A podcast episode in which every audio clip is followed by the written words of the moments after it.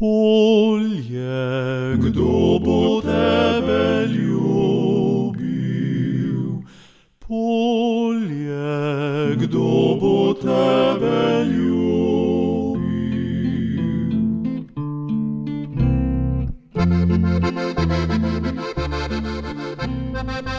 Drage poslušalke in spoštovani poslušalci, lepo pozdravljeni. Ruski zunani minister Sergej Lavrov začenja afriško turnejo. V naslednjih nekaj dneh bo obiskal Egipt, Etiopijo, Ugando in Kongo.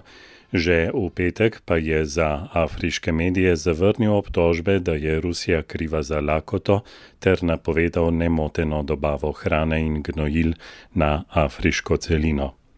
Sicer pa smo bili v petek popovdne priča pomembni zmagi turške diplomacije, saj sta v Istanbulu Ukrajina in Rusija ob navzočnosti generalnega sekretarja Združenih narodov Gutereša in pod pokroviteljstvom Turčije podpisali sicer ločeni dogovor o ponovnem izvozu žita prek Črnega morja.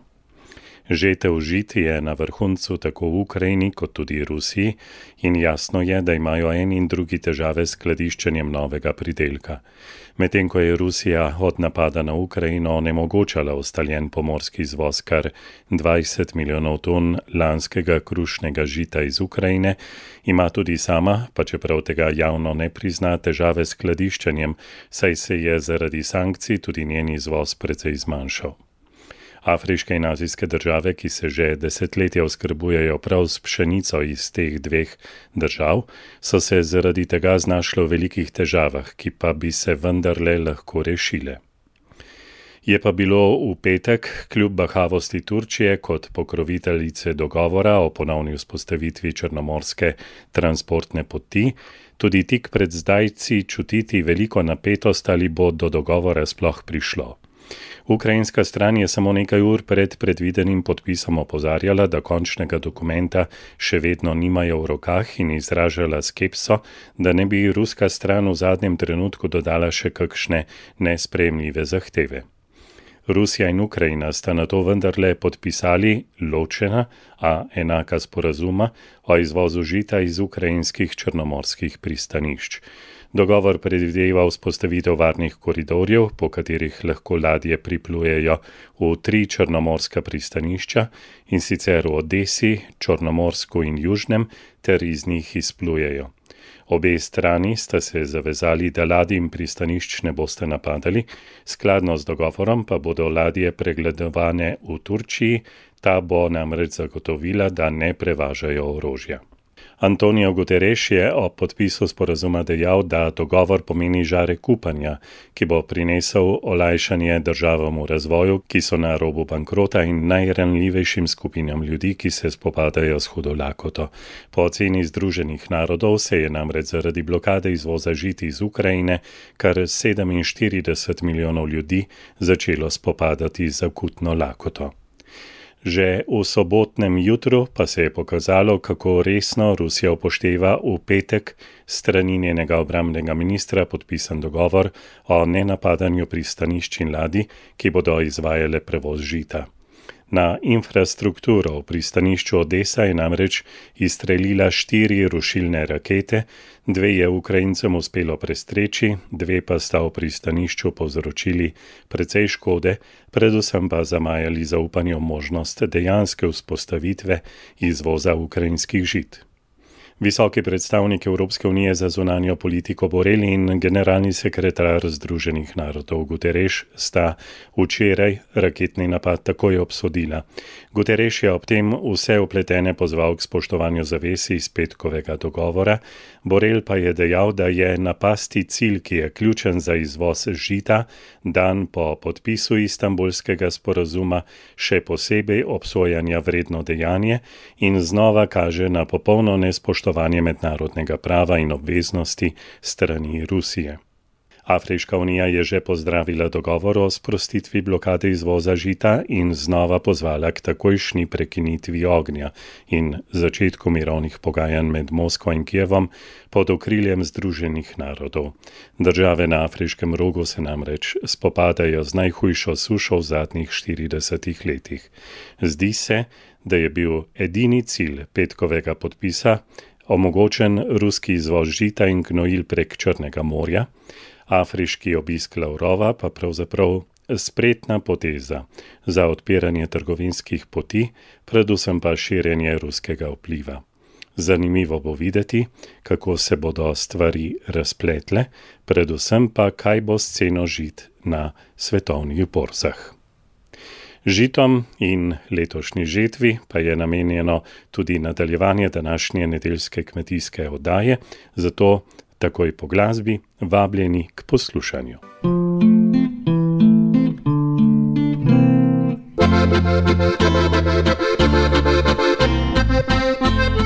Na radiju Ognišče poslušate kmetijsko oddajo.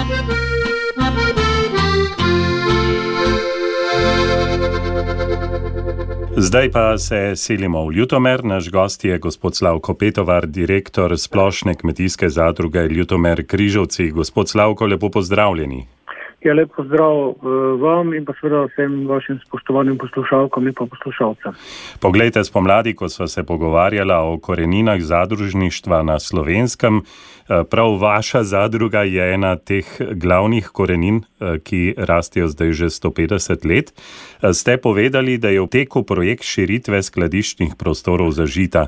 Zanima me, kako zdaj stojijo zadeve. Ste že lahko nove prostore uporabljali tudi ob letošnji žetvi? Investicijo mm, rekel, v tem trenutku mm, zaključujemo, je dejansko v sklepni fazi, potrebno je zmontirati samo še neke tehnološke opreme in seveda pridobiti uporabno dovoljenje za to v žetvi pšenice v tem trenutku eh, še eh, sama naložba ni bilo eh, uporabljeno. Za nas je pa seveda ključno za razmišljanje naprej, kajte sedaj, ko vemo, da bomo imeli dodatnih 3000 ton skladiščnih kapacitet, se nam seveda več tako ne mudi za prodajo pšenice, kot se nam je v preteklih letih, ko smo seveda morali pšenico prodati in silo se spozniti do uh, žetve koruze. Tako da, če se še vrnem k sami investiciji, ja, investicija je v sklepnem tek, uh, zaključnem delu in seveda bo uh, jeseni že v funkciji. Uh mhm. -huh. Mnogi kmete pravijo, ko bi bilo več zadrug, ki bi ugriznile v to jabolko. Verjetno so to kar stroški. Dejansko so stroški, uh, vendar pa uh, smo v nekih strukturnih spremembah na področju kmetijstva, predvsem tukaj v Parlakiju, ugotavljamo to, da se pač pomemben del živinoreja opušča, predvsem tisti manjši. Uh, tudi tisti večji pa potrebujejo skladiščne kapacitete in seveda je smiselno, da jih gradimo več skupaj z večjo, večjo zmogljivostjo in na ta način tudi ceneje. Zadeva je sicer uh, uh, draga ali pa kar pomeni kar nekaj stroškov, vendar je uh, treba oceniti to z vidika novih, uh, novo nastale situacije, ki pač je, se pravi, hrana kot strateško surovino pridobiva na pomenu. Uh, vidimo, da je tisto razmišljanje, da bomo v vsake trgovini lahko pridelali in kupili hrano uh, s COVID-om in pa s to krizo v Ukrajini, uh, tisto razmišljanje več ne drži in seveda uh, je potrebno uh, najti neke resurse in v to vlagati, če ne bodo pač te stvari upravili drugi na mesto nas, odkupili drugi in zadružni sistem bo spet ostal praznih rok, posledično pa tudi kmetje. Je pa res, da je seveda možno pridobiti tudi nekatera nepovratna sredstva. V zadnjem obdobju vsaj, ko, se, ko so te možnosti skozi program razvoja podeželja in želim si, da bi tega bilo več tudi v prihodnje. Želim si, da bi ministrstvo prepoznalo to, to potrebo. Eh, ne na zadnje se srečujemo z nekim odkupom, eh, interventnim odkupom, ki bi ga naj ministrstvo izvedlo in ključno vprašanje je, kje bo pšenica skladiščena. Ne. Skratka, gre res za to, da so skladiščne kapacitete tako z vidika prehranske varnosti, kot z vidika optimiranja uh, prihodkov uh, za kmete in bo za zadrugo ključna. Uh mhm. -huh. Gospod Slavko Petovar, že minula leta ste v vaši zadrugi bili eni od večjih odkupovalcev žit na vašem področju. Uh, če potegneva črta, kako je bilo letos z odkupom, verjetno ste ga v tem tednu, ki je za nami, že zaključili. Zdana, tako je z današnjim dnem nekako uradno zaključujemo odkup, seveda še bo kakšna prikolica prišla in jo bomo z veseljem prevzeli, ampak kljub samo ocenjujem in sem vesel, da smo kljub približno 20 odstotkov slabšim predelkom na kmetijskih površinah, tako pri ječmenu kot pri pšenici, dosegli enake odkupne količine, kot so bile lansko leto, ko smo dejansko imeli rekordne predelke. To pomeni, da nam je zaupalo prodajo in pa skladiščenje žit več kmetov, več predelovalcev, kar nas seveda posebej veseli. Tako da z letošnjim odkupom moram biti zelo zadovoljen. Verjetno pa je k temu, da smo prevzeli več pšenice, pomembno prispevalo tudi to, da bodo lahko kmetje eh, pri nas pšenico skladiščili in eh, čakali na boljši, optimalnejši eh, rok za prodajo. Uh -huh. Kako vi vidite letošnje dogajanje na trgu žiti? Razmere so zdaj verjetno zelo negotove. Tudi tisti uh, večji kmetje, ki so pri vas skladiščili žito in čakajo, da bodo videli, kako se bodo jeseni začele zadeve razpletati, so nekako na trnih, kaj se bo dogajalo. Ja, res je. Uh, situacija, kot je danes, je izredno. Uh, nepredvidljiva in pred vsakega postavlja ogromno vprašanj, kako se odločite. Eh, dejstvo je, da pač mm, niso samo neki logični in objektivni vplivi, ki vplivajo na eh, dogajanje na trgu žite. Tu so seveda zraven tega še zborzne špekulacije, pa kriza v Ukrajini, pa neko nenehno vprašanje, kdaj, koliko in če sploh kaj žit bo na svetovne trge prišlo iz Rusije in Ukrajine. Tako da seveda vse to uh, nekako uh, dela razmere zelo negotove, nepredvidljive in dejansko smo mi zadruge in kmetje v nekem reka, relativno zahtevnem položaju. Zdaj, kako razmišljati v tej situaciji je seveda nikoli se ne splača uh, tvegati v celote, tako da svetujemo tako kmetom, kot tudi mi počnemo, da se pač to neko tveganje razpršimo. Uh, da nekaj prodamo zdaj, nekaj skladiščimo. Verjetno je pa smiselno razmišljati tudi, da tisto, kar prodamo, vložimo že tudi v naslednjo uh, proizvodnjo. Ne na zadnje, če bo nekdo uh, čakal na denar za pšenico pol leta, pa je 10% inflacija, bo njegov denar čez pol leta vreden realno 5% manj, ne, kar je pa pri neki odkupni ceni 350 tisoč evrov že kar uh, skoraj 20 evrov. Ne. Tako da Eh, vse te obzire je treba vzeti uh, uh, in jih dati na tehnico in se potem odločiti. Je pa res, da za nobenega kmeta situacija ni enaka, nekateri imajo živali, nekateri nimajo, nekateri imajo potrebo tako je prodati druge meni. Tako da se mi se pač poskušamo tukaj tudi dokaj individualno z ljudmi pogovoriti, videti, kaj, kako oni razmišljajo, uh, mogoče kaj svetovati, vendar je to v tem trenutku izjemno hudo in nepraviljivo in je težko potem kakršne koli odgovornosti prevzemati, ampak v nekem, nekem dialogu poskušamo uh, za vsakega najti najboljšo rešitev. Ja, prav to je tudi smisel zadružne pobude, eh, če tako eh, počrtam. Ampak, gospod Slavko Petovar, eh, če bo v teh dneh prišlo do možnosti izvoza ukrajinskega žita, prav danes v petek, ko se pogovarjava o tem, je napovedano, da naj bi bil podpisan sporazum med Rusijo, Ukrajino, Združenimi narodi, Turčija botruje vsemu skupaj. Ne vemo, kako se bo vse skupaj odvilo. Ampak, če bo, me zanima, kako vi vidite, kako bo to vplivalo na cene? Sveda slovenski trg je posebej specifičen, kar se tiče porabe pšenice. Uporabljamo dejansko, ali pa v večini smo uporabljali slovensko domačo pšenico in pa hrvaško, predvsem zaradi sveda našega največjega mlinarja Žita, ki je v hrvaški lasti in tam uh, uh, pripelja tudi večino pšenice. Uh, sveda pa uh, uvoz ali pa ne, in izvoz ali pa ne izvoz ukrajinskega in pa ruskega žita eh, pomeni eh, pomankanje na nekaterih drugih trgih, ki pa bi seveda lahko začeli popraševati tudi na naših. In to se je verjetno uh, v tistih trenutkih, ko je uh, cena presegla tam 430 evrov, tudi dogajalo. Jaz ocenjujem, da si je rusko žito že našlo neke poti do, do nekih kupcev, takšnih ali drugačnih, ali pa ukrajinsko žito, kjer koli pač. Saj me nekako preseneča, da je relativno malo povpraševanja iz Italije po pšenici, pri čemer eh, se v vsakih eh, eh, poročilih srečujemo z izjemno sušo v severnem italijanskem delu, ki je žitnica za Italijo. Tako da nekatere stvari ne grejo skupaj. Dejstvo pa je, da, bo, da je pomembno z skopče etičnega vidika, da rusko oziroma ukrajinsko žito pride do tistih, ki to potrebujejo, to pa je po večini bližnji vzhod in pa, in pa Afrika, kajti v nasprotnem primeru seveda bo lakota izjemna in tega pa se noben človek ne more želeti tudi za ceno visokih odkupnih cen ne. Mene, eh, gospod Slavko, predvsem presenečajo fotografije, posnetki z eh, tamkajšnjih pristanišč, ko se vidi razsuto žito po pomolih, eh, bagri ga nakladajo na ladje, recimo ko pogledaš tista skladišča, ki so bila nekatera raketirana, nekatera napadena, se sprašuješ, kakšna je zdaj ta pšenica tam notri, eh, kakšne kakovosti bo.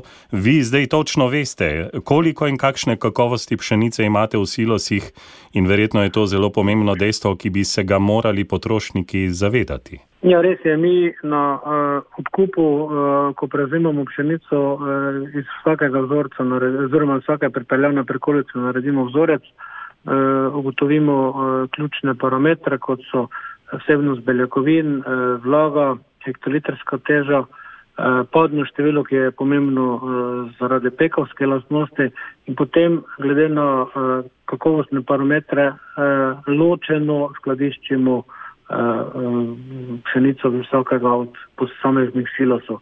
Tako da dejansko imamo preverjeno kvaliteto v vsakem od eh, silosov in seveda eh, lahko vsakemu kupcu, ki ima takšne ali pa drugačne želje, eh, potem iz naših silosov damo točno takšno kakovost, kot bi jo sam želel. Eh, to je pomembno dejstvo, to je tudi neka prednost potem, ko eh, si na trgu kot prodajalec. Seveda pa to zahteva, da imaš tudi neko uh, logistiko in uh, tehnologijo uh, zadnji, ki to omogoča. No, m, pač dve lokaciji, kjer imamo odkup in pa silose, ki jih imamo na obeh lokacijah, hvala Bogu, to omogočata in uh, na ta način lahko res. Uh, Tudi tukaj naredimo optimizacijo pri prodaji. Morda še tako rizično vprašanje, namreč sem ga že naslovil na nekatere ljudi, pa nisem dobil odgovora. Ko recimo nek mlinar kupuje žito, recimo v Ukrajini, Rusiji, kako je s temi dokazi, kakšno kakovost bo pripeljal? Recimo, če vzamemo pred vso to vojno in krizo, ko so bile razmere še kolikor toliko normalne vete, da tudi tu vam jaz točno ne vem odgovoriti ali pa bi težko bil tu v tem delu sodnik. Dejstvo pa je, da uh, do same vojne ni bilo nič narobe uh, v smislu tega, če je pač ukrajinsko žito prehalo, seveda pa potrošnik nikoli ne ve, z katerega žita je dobil kruh. In tisti, ki pač so tudi v primer mlinare, peki ali pa kdo drugi, primežu nekih eh, nesorazmerij v regiji so se pač poskušali eh, obrniti na način, da so lahko mogoče ne nazadnje tudi pametno ali pa primerno poslovali. Dejstvo pa je, da ni dobro za potrošnika. Ne? Mi moramo potrošniku jasno povedati, ali pa bi mu morali jasno povedati, da je ta, ta pšenica slovenska, da je ta pšenica hrvaška ali pa da je ta pšenica izven EU. Ne? In, to eh, se mi zdi ključno vprašanje. Če želimo, da nam bo potrošnik verjel, mu moramo jasno in brez dvoma, eh, kakršne koli dvoma, dokazati eh, izvor in pa poreklo. In če bi in upam, da bo prišlo do izbrane kakovosti pšenica, potem to pomeni certificiranje in pa popolni nadzor in tisti kruh, ki bo ko bo ta sistem uveden in izbran kakovosti imel IKAS, uh, uh, recimo je lahko potrošnik stoprocentno uh, prepričan, da je iz slovenske pšenice. Zdaj, kar se tiče blagovnih rezerv, tam nikjer ne piše, da morajo trenutni razpis, da mora biti pšenica slovenska. Poreklo EU je pa, če bo prišla ladja na, vem, na Hrvaško po Donavi gor, pa bo postala EU, recimo. Ne vem, teh, teh zadev ne poznam, mi se tega ne gremo, sliši se pa po terenu marsikaj. Že prej ste omenili zanimivo dogajanje, recimo tudi v sosednji Italiji. Eh, pustiva zdaj to, eh, gospod Slavko Petovar, torej izbrana kakovost bi bilo tisto, kar bi omogočalo, da bi tisto, kar Slovenija pridela, kar se skladišči, tako v skladiščih, kot je recimo vaše zadružno skladišče, potem prišlo tudi v mline in postalo slovenska moka in kruh iz slovenske moke. Ja, jaz mislim, da uh, je uh, koncept izbrane kakovosti na vseh področjih. Žita, goveje meso, prašiče meso, piščanče meso, mleko, mleko itak to najbolj vse laufa, zelenjava, sadje, ključno zato, da bo slovenski uh, kmet lahko preživel in ključno zato, da bo slovenski potrošnik prepričan, kar dobi. Seveda je tu ena velika naloga, ki jo mora napraviti ministrstvo uh, za kmetijstvo, gozdarstvo in prehrano, eh, poskrbeti, da eh, kakršne koli eh, malverzacije in mahinacije ne bodo mogoče in poskrbeti z nadzorom masnih bilanc, da je tisto, kar je potem dejansko označeno kot slovensko, kot izbrano kakovost, tudi bilo pri nas pridelano, predelano in uh, ponujeno od kupcev. Mislim, da je relativno preprosta pot, ki pa seveda ni uh, tako enostavna v izvedbi, ampak če je volja, uh, tam bi lahko bila tudi pot in mislim, da, da je ta smer ključna, če želimo naše kmetijstvo, ki je v primerjavi z nekimi velikimi evropskimi sistemi uh, miniaturno drugačno in dosti bolj zdravo ohraniti tudi v prihodnje. Gospod Slavko Petovar, hvala lepa za tale pogovor, hvala lepa za vse informacije, pa lepo nedeljo vam in vaši družini. Hvala tudi vam in vse dobro.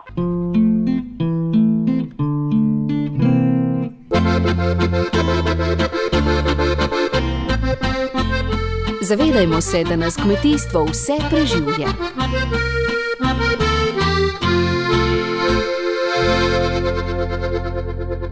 Zavod za blagovne rezerve Republike Slovenije je minuli teden vendarle objavil razpis za odkup 40 tisoč ton pšenice letine 2022, primerne za človeško prehrano. Ocenjena skupna vrednost naročila znaša 12,4 milijona evrov, kar nekako pomeni, da je država tako pšenico pripravljena plačati po 310 evrov za tono. Ministrica Irena Šinko je v ponedeljek povedala. Kar se tiče samega nakupa pšenice, je to ukrep, s katerim je dejansko vlada odgovorila na pobudo kmetov. Eh, v Sloveniji je jasno, da eh, pšenice na drug način ne moremo kupiti kot preko blagovnih rezerv in je to strateškega pomena za Slovenijo, da povečamo svoje blagovne rezerve za pšenico, kajte glede na situacijo, ki prihaja, se lahko zgodi, da so časi zelo negotovi in je prav, da povečamo.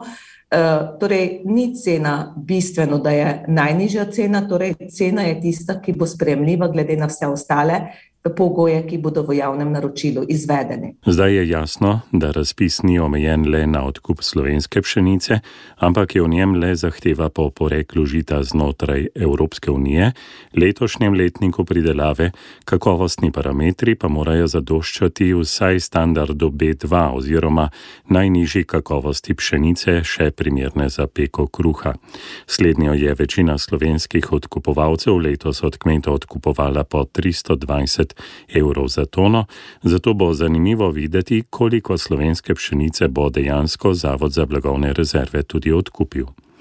Kmetijska ministrica Irena Šinko je prepričana, da se je vlada odzvala pravočasno, saj so kmetje pšenico po žetvi prodajali zadrugam in prehrambeni industriji, ti pa imajo zdaj žito v skladiščih. In jaz sem prepričana, da je ta pšenica še vedno v slovenski silosi in dejansko tisti, kdo bo imel interes, bo dejansko ta razpis pogledal in bo tudi, in bo tudi na, na njega kandidiral. Razočaranja nad vsem pa ne skriva podpredsednik sindikata kmetov Slovenije, Franz Kičan. Ta polomija oziroma ta akcija, ki je država pelala, je nič vredna, samo EPP reklama za novo vlado češ mi bomo povečali in ne bo glade. Povečali bojo lahko, ampak ne za slovensko in se bojim, da bo problem, ko bojo hoteli to pšenico zmleti in pa pod slovensko blagovno znamko zavesti kupce ko bo to prišlo na prodajne police. Čeprav je ob začetku žetve predsednik vlade Robert Golop napovedal, da bo država odkupila vso slovensko pšenico, pa bo torej zdaj Zavod za blagovne rezerve z razpisom iskal najugodnejšega ponudnika. V sindikatu kmetov pravijo, da je to absurd, saj slovenske pšenice po taki ceni ne bodo mogli dobiti. Veste, malo me žalosti tak nesramen mačehovski odnos vodilnih in na kmetijskem ministrstvu in predsednika vlade in gospodarskega ministrstva, ki to vodi. Vete, to je sramota, kaj so zdaj naredili. Ampak gledajte, eh, država nas ni poslušala, eh, ne vem, ali ti ljudje ne poznajo eh, termina pravila žid v Sloveniji. Glejte, danes ali včeraj, ko je ta razpis prišel oziroma ta poziv slovenske pšenice, ni. Nekaj je sicer deponirano pri zbirateljih, ki so zbirali pšenico, ali so zadruge, ali so to privatne, vendar ti zbiratelji sigurno ne bojo konkurirali proti tistim, ker ta javni poziv ne velja samo za Slovenijo, ker to ni e, urgentni odkup, tako kot smo mi pričakovali, viške poberemo in jih damo eh, na, na, na varno ampak je to javni poziv za celo regijo. Tudi agrarni ekonomist dr. Emil Javec je skeptičen, koliko slovenske pšenice bo dejansko končalo v silosih blagovnih rezerv in pravi, da je vlada s to potezo naredila napako. Strateške rezerve niso namenjene urejevanju trge, ampak so to, kar pravijo, strateške rezerve. To pomeni, da država pridobi za krizne razmerne eh, količine pomembnih surovin. Moka, prej kot pšenica, je strateško pomembna uh, surovina za čase krize, ampak recimo je lahko tudi pšenica. In to, da je potrebno povečati zaloge, uh, je popolnoma jasno. To je, bom rekel, razumno in umno delovanje. Predsednik vlade je prišel pod, v času žetve, torej tik pred žetvijo, s tem vprašanjem se razmeda cel sistem. Uh, njegov edini učinek je bil, da je kmetom nekoliko dvignil ceno, ker bi kmete seveda so sprejeli z odobravanjem. Je bilo pa precej zmede, ker so si mislili, da bo država dejansko šla v odkupe. Država tega ni sposobna, nima ne infrastrukture, nima niti eh, kapacitet samih eh, za zaloge, ampak to seveda mora najeti pri tržnih subjektih. Po Herjavčevem mnenju je zdaj vprašanje, če bo mogoče pridobiti te količine domače pšenice, ki je večinoma že odkupljena. Ker je domača pšenica večinoma prodana, bom rekel, ob vseh kritikah, večinoma po spremljivi ceni, sta je eh, sorazmerno višja, ne glede na rast cen energentov, kot jih recimo stroški, torej lastna cena eh, pač opredeljena z kalkulacijami, kot jih določa kmetijski inštitut. Tako da samo ugibamo lahko, ampak recimo, da je predvidevanje, da bo težko zapolniti te strateške rezerve. Tudi vprašanje je, Eh, zakaj bi se poslovni subjekti za to odločali, ker je pač kriterij najniže cene, po drugi strani tudi uh, mlinari rabijo pšenico zase in po svojem. Jaz se sam bojim, da ne bo prišlo do kakšnih anomalij.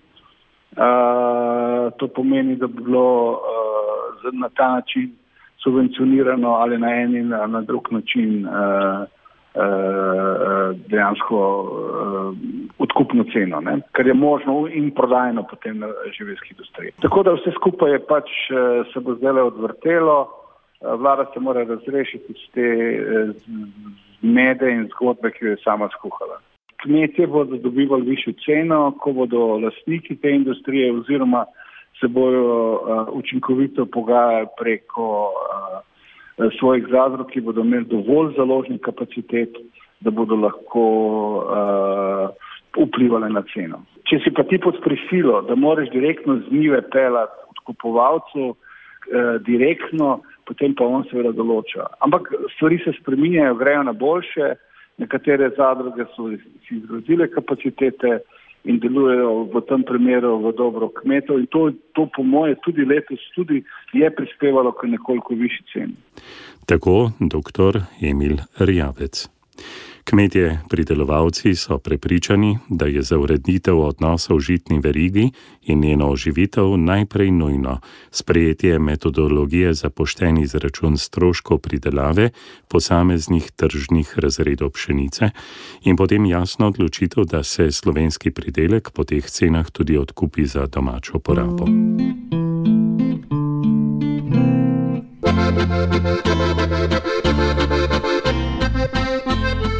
Dobra domača hrana je delo pridnih rok.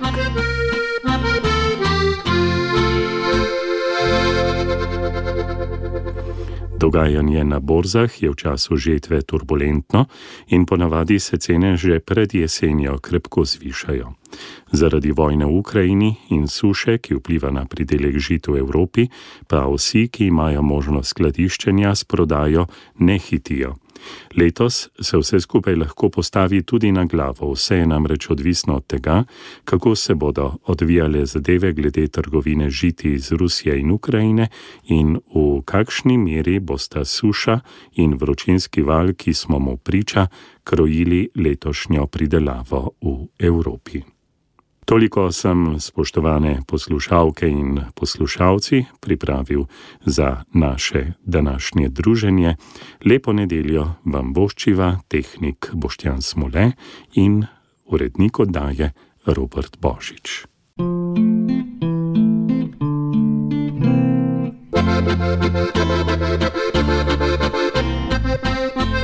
Zavedajmo se, da nas kmetijstvo vse preživlja.